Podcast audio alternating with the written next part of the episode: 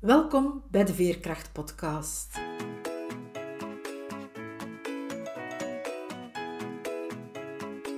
Ik ben Veerle Schaltien, levensverhalen en schrijfcoach. Met mijn bedrijf Wiebelwoorden trek ik voluit de kaart van veerkracht. Voor deze podcastreeks interview ik veerkrachtige vrouwen. Het zijn vrouwen zoals jij en ik, die soms wel eens het hoofd laten hangen maar die er vooral telkens opnieuw in slagen weer overeind te krabbelen, die telkens opnieuw de moed hebben om door te gaan, die ondanks alles ten volle in het leven staan en elke dag waardevol weten te maken. Hoe ze dat doen, vertellen ze je heel openhartig. Luister, snoep van hun woorden en laat je inspireren door hun verhalen, want als zij het kunnen, kan jij het ook. Dag Marijke. Hallo, dag Vele. Jij kwam vroeger heel regelmatig naar ons schrijfcafé. Daar heb ik jou ook leren kennen. Heb ik jouw schrijfsels leren kennen. Heel mooie en bijzondere schrijfsels. En ja, nu de laatste tijd ook met uh, corona en, en dergelijke is dat allemaal een beetje minder geweest. Maar ik ben je dan toch nog een klein beetje blijven volgen via sociale media. Maar kan je jezelf eens een keertje voorstellen? Oké, ik ben Marijke van den Broek. Ik ben een 40-jarige alleenstaande mama van een dochtertje. 21 maanden is zij, Emilia. En ik werk bij VDAB als consulente gespecialiseerde screening. Op het einde, als je nog naar het schrijfcafé kwam, herinner ik mij dat jij met je toenmalige partner een huis gekocht had. Ja, dat klopt. Het leven zag er heel rooskleurig uit, tot ineens ja, die relatie gedaan was.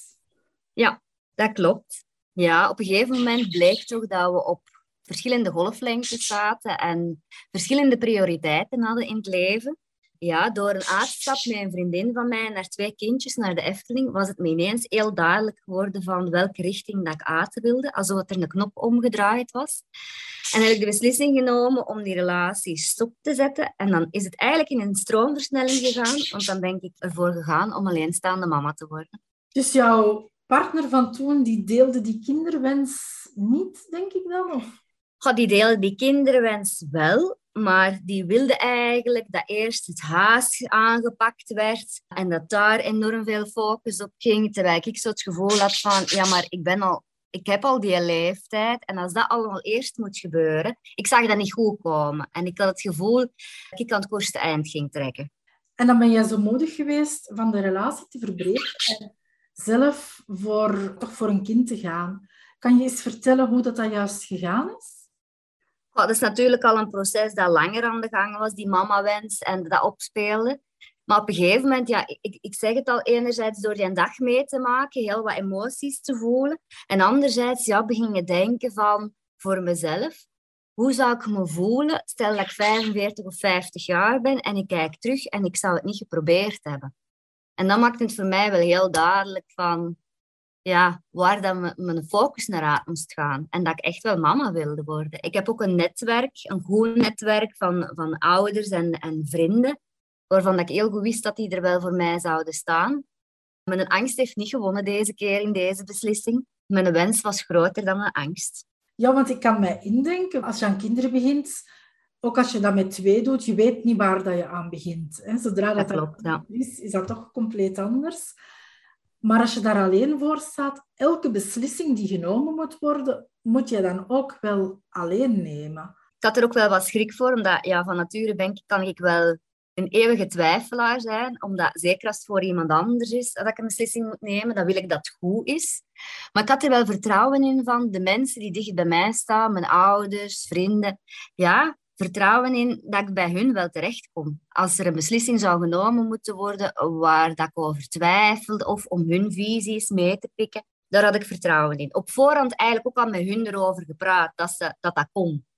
Dus ja, daar had ik wel vertrouwen in. Dus je wist van, ik word wel alleenstaande moeder, maar ik sta er niet echt alleen voor. Alleen voor, ja, dat klopt. En dan, ja, dan ben je waarschijnlijk aan een traject begonnen een goede vriendin van mij is ook vroedvrouw en de contactgegevens gekregen van haar van een gynaecologe. En een collega van mij had die weg ook doorwandeld en met haar ook gesproken van hoe is dat gegaan, wat waren jouw ervaringen. En dan heel snel de beslissing genomen om die eerste afspraak te maken bij de gynaecoloog. Dat was eigenlijk in februari. En dan is eigenlijk alles in een stroomversnelling terechtgekomen. Hè. En, alle stappen daarna zijn vlot en goed verlopen. En dat ik in 27 mei de eerste inseminatie gehad heb. En 14 dagen nadien wist ik dat ik zwanger was. En die is vlot verlopen. En toen is Emilia geboren. Ja, inderdaad. Nog vlak voor het coronatijdperk. Vlak ervoor. Je zei al van, ik heb veel vrienden en mijn ouders ook die mij ondersteunen. Dus aangezien dat zij vlak ervoor geboren is, kon je nog allicht bij hen terecht. Maar veranderde dat dan tijdens corona? Toch wel, hè. Tijdens corona, ja, waren er weinig contacten face-to-face. Wel via telefoon en dergelijke. Wel op dat vlak en, en via sociale media eigenlijk wel heel goed weten van wat er speelde. Maar echt fysiek in het moederhuis hebben... Eh, veel vrienden zijn het niet, maar wel heel hechte vrienden. Zijn die allemaal nog op bezoek geweest en hebben die Emilia ontmoet. En, maar was dat heel wat minder. Maar niet op dat vlak dat ze totaal niet wisten hoe dat met ons ging. Dat wisten ze wel. Maar gewoon Emilia zien en vastpakken, dat, dat viel eigenlijk in grote lijnen weg. Hè? En was het dan niet zwaar voor jou? Want eigenlijk kwam je dan op een bepaalde manier toch helemaal alleen voor te staan. Ja, dat was niet simpel. Je stelt je dat anders voor. Hè? En, en ouderschap, ik denk dat dat voor iedereen wel een zoektocht is in het hoe en wat en invulling geven en elkaar leren kennen. En, en, en dus dat was wel zoeken. Enerzijds heel erg genieten van dat kleine wezen dat echt van mij was en die verwondering. Maar anderzijds ook angst. Ja, ik herinner me bijvoorbeeld dat er geen dag voorbij gegaan is dat ik me niet zag vallen met haar. Terwijl het dat geen impact gehad heeft op... Ik, ik pakte haar altijd vast en ik knuffelde haar wel. Maar ja, ja al, elke dag was er wel een doemscenario dat ik haar liet vallen. Ondanks het genieten. Nu natuurlijk komt dat dan omdat je alleenstaande moeder bent, dat je zulke doemscenario's voor je ziet? Of is dat iets dat misschien alle ouders wel eens een keer denken? En je wilt het beste voor je kind. En er kan ook zoveel misgaan. Hè? Ja, het is dat. Hè? Ik denk ook niet dat dat zozeer gelinkt is aan het feit dat ik alleenstaande mama ben. Nee, nee. misschien wie dat ik ben als persoon wel. Maar niet aan het feit dat ik alleenstaande mama ben. Dat denk ik ook niet. Nee. Het is voor iedereen, voor elke ouder wel een zoekproces. Hè? Ja. ja. sowieso. En als je met twee aan een kind begint, ja, dan heb je nog dat je allebei uit een ander nest komt en misschien andere visies hebt waar dat je op voorhand niet bij stilstond. En dat je elkaar misschien, denk ik, in evenwicht kunt houden. Bijvoorbeeld, zoals dit concreet situatie, moest de partner voelen van, oh, die is angstig erin en die heeft dat, dat die dan een beetje moed kan inspreken van maar kom aan, je doet dat goed, laat je die toch niet vallen. Allee, zo bedoel ik dan. Dan misschien wel. Ik vind het in elk geval heel moedig dat je daar alleen aan begint. ook al heb je dat netwerk en zo, volgens mij is daar toch wel moed voor nodig. Maar je zei daar straks al van ja, ik ging dan ook denken van hoe zou ik mij voelen als ik nu 45 of 50 was en ik heb dat niet geprobeerd dat zou voor mij echt gevoeld hebben van een droom dat ik heb laten passeren en dat ik zelfs niet geprobeerd heb. Dat was iets dat niet kon voor mij. Als je dat vertelde, dat deed me denken aan een schrijfoefening die ik regelmatig in mijn cursussen geef. Dan vraag ik de mensen van in de toekomst te gaan. En als ze bijvoorbeeld 45 of 50 zijn, of zelfs nog ouder, ik, ik spreek vaak ook van 100 jaar, van dan een keer terug te blikken op hun leven nu en een brief te schrijven aan de persoon die ze nu zijn. En het lijkt mij alsof dat dan iets is dat jij eigenlijk in je hoofd gedaan hebt. Ik heb echt die visuele denkoefening gedaan van mezelf zien als 45, 50-jarige en terugkijken. Vroeger schreef je veel, hè, want je, je dat klopt. bij mij naar de workshops. Komt dat er nu nog van? Goh, in het dagelijks leven, dat nu zo hectisch is, echt concreet schrijven, is dat minder. Maar ik doe het wel vaak in mijn hoofd. Bijvoorbeeld, een paar nachten geleden had ik een hele tekst in mijn hoofd geschreven. Dat ik dacht van, oh, sta op en, en schrijf dat op. Maar ik was te moe om effectief op te staan. Ik dacht van, ik zal dat morgen ook wel weten. Wat dat niet het geval was. Maar ik doe het wel regelmatig in mijn hoofd. Maar het effectief opschrijven, dat moet meer gebeuren. Dat zou eigenlijk meer moeten gebeuren. Een tipje voor als je zo s'nachts ideeën of teksten krijgt, is van een notaboekje naast je bed te leggen. Hè? En dan hoef je je bed niet uit. Of allicht een aantal staakwoorden op te schrijven. Dan komt het misschien s morgens gemakkelijker terug. dat is een fijne tip, inderdaad. Dat zou ik wel gedaan hebben. Moest dat op mijn nachtkastje gelegen hebben. Ja. Misschien kan je dat in de toekomst doen, hè? Ja, dat is een fijne tip. Als ik nu zo jouw verhaal hoor, ik vind het al heel moedig dat je die stap gezet hebt. Emilia is op de wereld gekomen. Je vertelde mij nog voor we het interview aan het opnemen waren ook van dat er eigenlijk ook wel genoeg mannelijke energie in haar omgeving is. Je hebt ook een broer met een beperking, maar die een heel goed contact heeft met Emilia en die zeker ook een heel waardevolle functie in haar leven heeft. Hè? Ja, zeker. Het is echt wel heel mooi om die twee bezig te zien. Hoe dat Hans glundert als hem haar ziet of meegeniet van kinderliedjes of, of tekenfilms. Maar anderzijds ook Emilia, hoe dat zij naar Hans kijkt en, en er naar lacht. En opmerkt dat hij anders is, dat is ook wel heel knap om te zien. Ja, en dat vind ik ook wel een meerwaarde voor Emilia, dat zij leert van dat mensen ook anders kunnen zijn. En dat ze leert van er met een open blik en een open geest naar te kijken. Met verdraagzaamheid. Ja, zeker. Ja, en dan merkte dat zij dat nu als klein kind, dat ze dat heel goed doet. Bijvoorbeeld Hans, als uh, dessert heeft hij heel graag de frisco. En Emilia wil nu degene zijn die die frisco naar Hans geeft. Oh, dat is lief. Ja, dus we gaan die frisco dan halen, we geven dat aan haar. En zij is degene dat dat aan Hans geeft. En dan blinkt ze. Ja, dus dat vind ik wel een grote meerwaarde. Dat ze leert met omgaan en dat ze ook leert van dat dat ook oké is. Ja, dat is sowieso een voorsprong in het leven dat ze heeft op, uh, op andere mensen. Hè? Ja, dat vind ik ook. Ja. Dus eigenlijk, het ging allemaal goed. Hè? Je hebt die beslissing genomen, het, het liep allemaal oké. Maar corona ja, was toch wel een beetje een moeilijkheid. Niet dat je zelf corona gehad hebt of zo, maar ik bedoel dan gewoon de periode. En er kwamen dan wel andere problemen tevoorschijn. Ik denk ook wel dat het een combinatie van dingen was. De vermoeidheid op zich en de emotionaliteit. Eh, een paar maanden voordien was mijn grootmoeder ook overleden. Ik denk dat dat ook nog wel een rol speelde. Ja, en dan corona op zich. En wat dat je allemaal hoort. En ja, Emilia is dan zo klein en je het er goed voor. Schrik dat er iets misliep. En ja, ik denk met het overlijden van mijn grootmoeder ook wel angst om de dingen een plaats te kunnen geven. Alles was ineens, voelde raar aan. Dat dat maakte van, ik was enorm emotioneel als er nu een, een, een goede prikkel of een minder goede prikkel kwam, dat ik haalde. En angst won, Ja, ook fysiek, dat ik constant naar het toilet moest. Hè. Dat ik eigenlijk niks meer kon doen zonder dat ik vijf, zes, zeven keer naar het toilet moest. En ik vond het belangrijk om toch de dingen te blijven doen en, en toch Emilia weg te brengen. Om, ook omdat ik wist van, als ik het stop met dat te doen, dan kan ik binnenkort niks meer doen. En ik wilde zo graag deel uitmaken van haar leven en het voor haar goed doen. Hè. Bijvoorbeeld als ze een verjaardagsfeestje heeft of naar een hobby moet. Ik wil wel degene zijn dat haar er ook kan naartoe brengen zonder dat angst in de weg staat. Ik kan me indenken van die problemen die komen er dan. En je zegt nu wel van, ik wilde alles wel blijven doen. Ik vond dat belangrijk, ook naar de toekomst van Emilia toe. En van jezelf uiteraard. Maar dat brengt je dan toch wel uit, serieus uit je evenwicht op dat moment zelf. Ja. En hoe ga je daar dan mee om? Ah, in het begin het zelf proberen te doen, maar ik merkte ook op een gegeven moment dat dat, ja, dat dat een loopje met mij nam. Dus dan ben ik naar de huisarts gegaan en dat met haar besproken. Dan doorverwezen geweest naar een psycholoog om eens dieper op in te gaan van wat er aan de hand was, wat dat maakte dat die problematiek er was.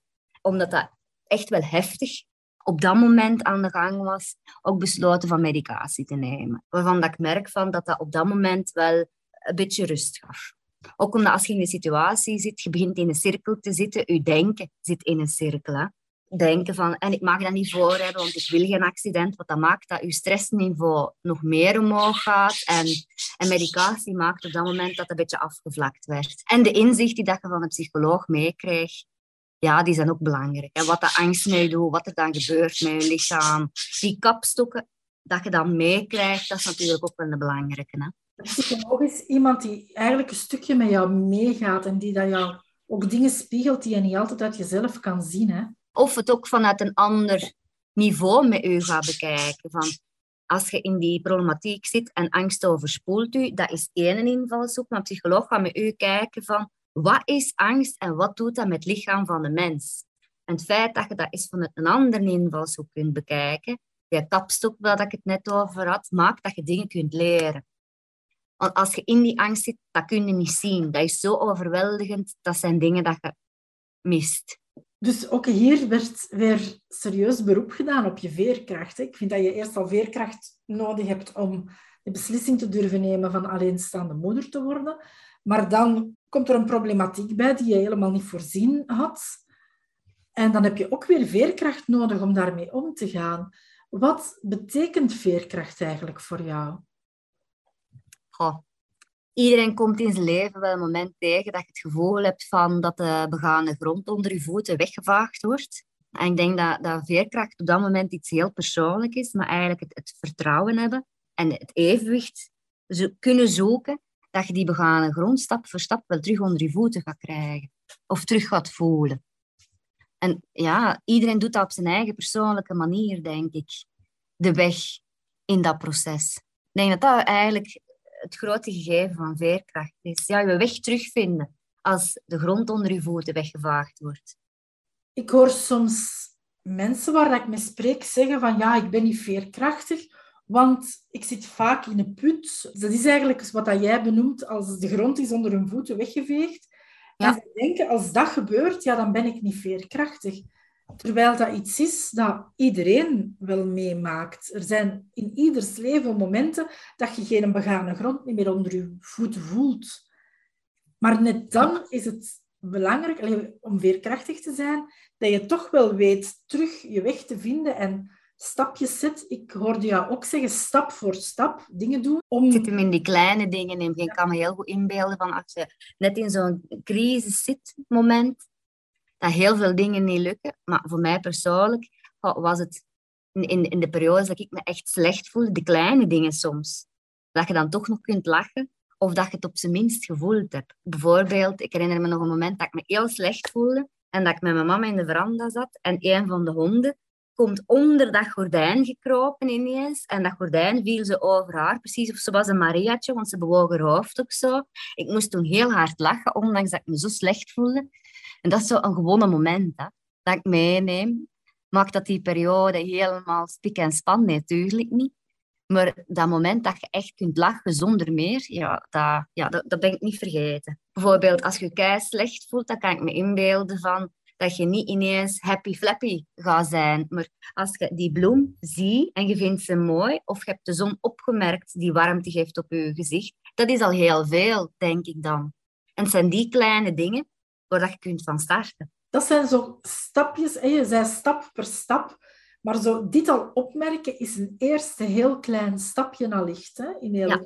ja, dat is al veel, denk ik dan. En zo die tip van, ja, je moet naar de kleine dingetjes kijken, naar het mooie kijken en je erover verwonderen, is een tip dat denk ik veel mensen wel meekrijgen. Maar zoals jij zegt, als je echt midden in dat proces zit, dan is er van verwonderen geen sprake. Maar jij zegt het opmerken. En dat denk ik is inderdaad het allereerste. Je kan je niet verwonderen over iets als je het nog nooit opgemerkt hebt. Nee. Of als de dingen op dat moment gewoon aan je voorbij gaan. Is dat, hè? Ik denk dat je al heel fier op jezelf mag zijn dat je het opgemerkt hebt, los van wat je erbij voelt. Ja, ja inderdaad. En zulke lachmomenten, zoals je ook zei, zijn dat ook dingen die je kan opzoeken? Oh, ik denk dat wel. Ik denk dat wel. Als je, jezelf, als je op dat moment jezelf goed kent en dat je weet van waar dat je vroeger blij van werd, dan denk ik wel dat je het kunt gaan opzoeken dat het meer op je pad komt. Maar zoals ik het ervaren heb, waren het spontane dingen die op mijn pad kwamen. Bijvoorbeeld, ik, ik kon niet weten dat Cleo toen haar kopje onder die gordijn ging. Dus vaak zijn het spontane dingen dat je pad opkomen. En voor mezelf dan toch. Ook daar is het misschien weer van die dingen op te merken. Want niet iedereen zal een hond hebben die zoiets geks doet op het moment dat hij of zij het moeilijk heeft. Maar er zijn... Misschien nog wel iets anders. Ja, inderdaad. Dus dat vind ik al een hele mooie tip naar, naar luisteraars toe. Van, ja, als het moeilijker gaat, als je zo het gevoel hebt van de grond is onder mijn voeten weggeveegd, van probeer die kleine dingetjes in eerste instantie op te merken. Word je er nog niet echt blij van? Kan je er nog niet echt mee lachen? Dat is, oké. Ja, dat is inderdaad oké. En allicht zal je verder in het proces wel blij worden en wel Ja. lachen. Al is het maar een heel kort momentje. En nog verder in het proces gaan Ja. die momenten misschien langer duren. Hè? Inderdaad, stap voor stap. Hoe zeggen ze dat? Rome is ook niet op één dag gebouwd. Nee, zeker niet. Heb jij nog een andere tip die je de luisteraars graag wil meegeven om veerkrachtiger in het leven te staan? Goh, ik denk dat het belangrijk is om, om naar je eigen buikgevoel te luisteren. En, ik, ik heb er vertrouwen in dat iemand van zichzelf of voor zichzelf wel weet wat dat hij nodig heeft als je de tijd neemt om naar jezelf te luisteren. En als dat niet lukt, dat je daar hulp of ondersteuning bij nodig hebt, dat is allemaal oké. Maar ik denk ja, dat dat een belangrijke is. De tijd nemen om naar jezelf te luisteren, naar je buikgevoel, naar je instinct. Soms zijn we heel ver van dat instinct afgesneden. Hè? door het snelle, door de gejaagdheid, denk ik, door alle prikkels in het dagelijkse leven. Mensen ja, moeten gaan werken om centen te verdienen, moeten dit, moeten dat. En als je het dan stilmaakt, als je de tijd neemt, vertraagt, ja, dan kan je die verbinding terug, terug herstellen. Hè? En zoals je zegt, van, ja, lukt je dat niet alleen, want niet iedereen weet misschien hoe daaraan te beginnen, van naar binnen te kijken en, en te luisteren naar het instinct, ja, dan kan je altijd hulp van iemand inroepen. Hè? Het is, Ja, en dat kan, die, die, die hulp dat kan heel breed zijn. Hè? Van een huisarts, psycholoog, maar even hoe. Dat kan ook een sportcoach zijn, of yogacoach, of iemand. Hè, zoals wij gedaan hebben, het schrijven. Luister naar, naar waar dat uw interesses liggen en zoek daar aansluiting. Wie dat je bent als persoon. Ik denk dat dat ook een belangrijke is in het zoeken naar hulp. Ook luisteren naar wie dat je bent en, en wat dat het best bij u ligt. Want de, de, eh, de behandeling of de therapie voor iedereen, daar geloof ik niet in. Nee, Iedereen is anders. Hè? Is dat?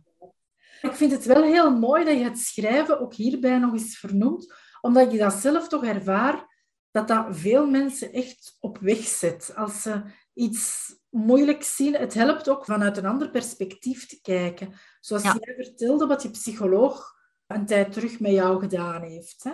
Ja. Op een andere manier naar die angst te kijken, zo Ja. kan schrijven ook wel, wel helpen. Of ook schrijven, ook, zelfs tot, ook tot inzicht te komen van... Ik herinner me nog die opdrachten dat je gaf, dat dat soms een, een, een heel leuke manier was om eigenlijk raad te krijgen van wat er eigenlijk echt leeft binnenin iemand. En zo heb ik dat toen toch ervaren. Het is een hulpmiddel om naar je intuïtie te gaan luisteren. Maar ook daar, ja, je zei het al, van ieder moet voor zich voelen van waar heb ik op dit moment nood aan, wat past bij mezelf. Hè? Ik vind het toch ook wel een belangrijke van dat buikgevoel, vergeet dat niet, want we hebben dat allemaal. Er zijn mensen die zeggen van ik kan niet voelen, maar dat klopt niet. Hè? Iedereen kan voelen, maar je kan door het dagelijks leven of do- door wat dan ook ervan vervreemd zijn. En dat je terug moet leren om ja, te connecteren. Maar iedereen kan het. Iedereen heeft een buikgevoel. En je kan dat zien als je naar kleine kindjes kijkt. Hè? Die, hebben Die zijn daar geweldig in. Hè? Maar zo zijn wij ook allemaal geweest. hè. Het is ons alleen misschien... We zijn het een beetje verleerd. Hè? Ook als, de, de, de rit was ook een, een, een goed voorbeeld daarvan. Eh, kleine Emilia, die zo goed wist, al heel jong, dat Hans anders was. Dat is niet gezegd geweest naar haar toe. Dat is iets dat ze zelf opgemerkt heeft. Hè? En dat is haar intuïtie. Hè? Ja. Het is, ze merkt het op en ze voelt dat van binnenuit. Ja. Dat was heel mooi om te zien. Nu, jij vertelde mij daar straks ook nog, voordat we het interview aan het opnemen waren, dat je ook heel veel hebt aan wat dat je in het verleden al mogen leren hebt, op welke manier ook. En dat dat jou sterkt nu ook. Als je nu weer een probleem tegenkomt, dat je eigenlijk hetgene dat je vroeger leerde altijd opnieuw meeneemt. Ik heb in het verleden ook therapie gevolgd, waarin dat kapstokken gegeven werden. En dat is iets, die ervaring doe je op. En ik merk ook wel dat ik dat elke keer meeneem. En dat maakt me sterker, dat heeft me sterker gemaakt. Hè? Ja, want je zei ook, nu met dat probleem van altijd naar het toilet te moeten, hè, was het misschien lastig van naar buiten te gaan, maar ik ben me gaan verplichten van dat toch te blijven doen. Ja. Omdat dat geleerd is vanuit die therapie van als je stopt met dat te doen, als je op dat moment angst laat winnen, binnen de kortste keren durf je niks niet meer doen. Ja. En ik, ik herinner me dat nog. Door uw angst gaan, en angst dooft op een gegeven moment wel terug uit. En dat maakte van dat ik dat in elke keer Emilia weg gaan doen ben zelf. Ook al wist ik van dat er een accident kon gebeuren. En gewoon omdat ik het ook belangrijk vind ja, om deel te kunnen uitmaken van haar leven. Ik wil betrokken zijn en ja, dat vond ik belangrijk. En als er dan toch een accident gebeurde? Ah, ik kan het beter relativeren. Het, het, proberen op te lossen op dat moment zelf en verder gaan en niet zoveel proberen aandacht te besteden aan wat er op dat moment misgegaan is. Ik word minder boos op mezelf. Ik focus me op van dat is gebeurd, maar wat nu? Ik bedoel, als je op dat moment gaat focussen op en ik heb dat weer voor gehad en op schaamte, dat miste. Als je het probleem opgelost hebt, wat dat je nadien nog kunt doen qua quality time. Terwijl als je verder gaat, dan kun je nog een mooie tijd meepikken. Dat is dan wat ik bedoel met er niet zoveel aandacht aan besteden, proberen op te lossen en verder gaan. En er met zachtheid naar te kijken ook. Met zachtheid naar kijken. Niet met boosheid of schaamte of jezelf de grond induwen, want dat maakt het nog tien keer moeilijker. Het is wat het is. Dat, dat wordt dikwijls gezegd, maar het dat proberen te laten zijn op dat moment. Oplossen en verder gaan. Het wordt dikwijls gezegd, maar uiteindelijk is het dat ook. Hè? Het is wat het is. Hè? Het is een proces hè, om ermee om te gaan. Maar als je dat kan, dan maakt het jezelf ook wel stukken makkelijker. Tuurlijk. Ik kan me heel goed indenken dat iemand die dat voor heeft, dat hij de eerste keer wel schaamte gaat voelen of boos gaat zijn op zichzelf. Dat dat misschien in het begin niet lukt van daar met zachtheid naar te kijken. Maar ook dat is... Oh, het is een proces, hè? Ja, stap per stap, hè. En confronterend ook wel het gevoel hebben van geen controle te hebben over je lichaam, dat is in het begin heel confronterend en heel chockerend. En, en het is ook oké om in eerste instantie die emoties te voelen en daarmee leren om te gaan. Je bent aan een mens, hè? En ik denk ook, als je die emoties niet voelt, als je die wegdrukt... Dan wordt het erger. Dan, als je die emoties probeert weg te drukken, dan denk ik dat je het voor jezelf erger maakt. Dat dat tegen, tegen je gaat keren. Dat komt op een later moment inderdaad terug en in volle volheid terug. Of je lichaam gaat nog meer laten voelen van dat het niet oké is. Dus dat is ook wel een belangrijke van voel wel wat dat er is, maar focus je niet op het negatieve. Kijk er ook met zachtheid naar. Ja. Nu, ik denk dat je ons in dit gesprek een heleboel tips gegeven hebt. Ik vraag zo altijd naar één tip maar ik denk dat de luisteraars uit wat jij verteld hebt wel heel veel verschillende tips kunnen halen. Dus ik wil je daar heel erg voor bedanken, ook voor je openhartigheid. Dat is heel graag gedaan. Het is altijd fijn als je iemand vanuit je eigen ervaring mee op, op weg kunt zetten, dat mensen er iets uit kunnen halen. Dat is altijd een heel fijn gevoel. Hè?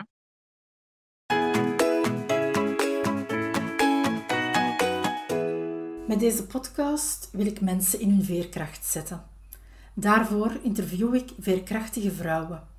Hun tips en ervaringen inspireren je als je het wat moeilijker hebt. Voor de volgende afleveringen ben ik op zoek naar mensen die hun verhaal willen delen.